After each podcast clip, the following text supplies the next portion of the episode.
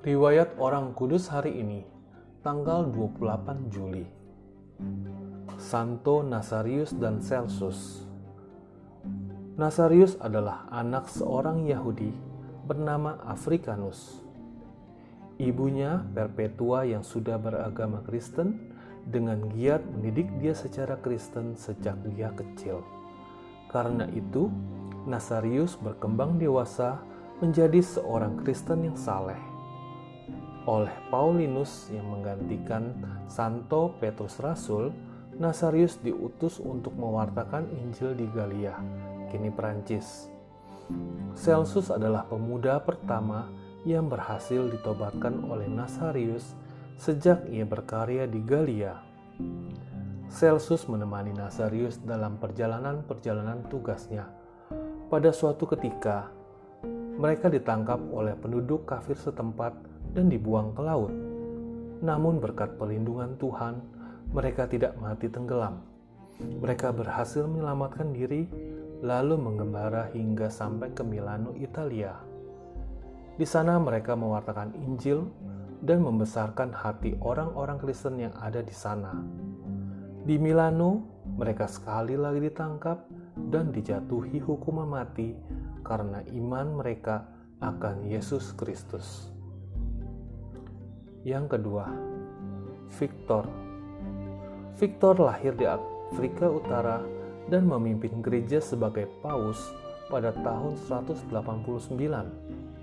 Paus Victor adalah paus yang secara resmi menetapkan bahwa permandian suci dalam keadaan bahaya maut dapat dilakukan dengan memakai air biasa apabila tidak ada persediaan air permandian di tempat itu. Ia mati sebagai martir pada tahun 189 pada waktu pemerintahan Kaisar Septimus Severus.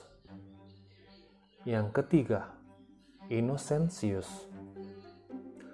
Innocentius lahir di Albano, dekat kota Roma. Ia terpilih menjadi paus dengan suara bulat pada tahun 402 ia sungguh-sungguh menyadari bahaya yang mengancam gereja dan umat pada masa itu. Tiada henti-hentinya ia berdoa, memohon kebijaksanaan dan kekuatan Tuhan agar mampu mengemudikan gereja Kristus dengan selamat.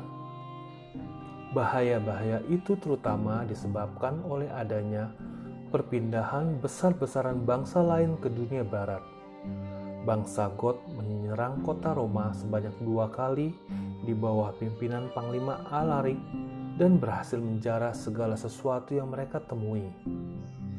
Dalam menghadapi ancaman-ancaman itu, Paus Innocentius senantiasa menguatkan hati umatnya dan meringankan beban penderitaan mereka.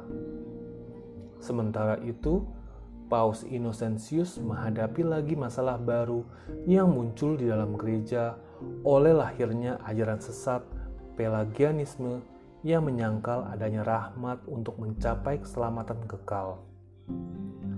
Dua kali ia mengadakan konsili untuk menghukum ajaran sesat itu. Belum lagi selesai masalah itu, terdengar berita bahwa Santo Yohanes Chrysostomus dibuang oleh tahta keuskupannya sebagai tawanan oleh keluarga Kaisar Konstantinopel. Innocentius tidak segan-segan mengutuk tindakan itu. Kaisar Arkadius bersama permaisurinya, Eudoxia, dikucilkan dari gereja, meskipun ia tahu bahwa hal itu akan mendatangkan bahaya atas dirinya sendiri. Setelah memimpin gereja selama 15 tahun, Innocentius meninggal dunia pada tahun 417. Demikianlah riwayat orang kudus hari ini, tanggal 28 Juli. Terima kasih sudah mendengar. Tuhan memberkati.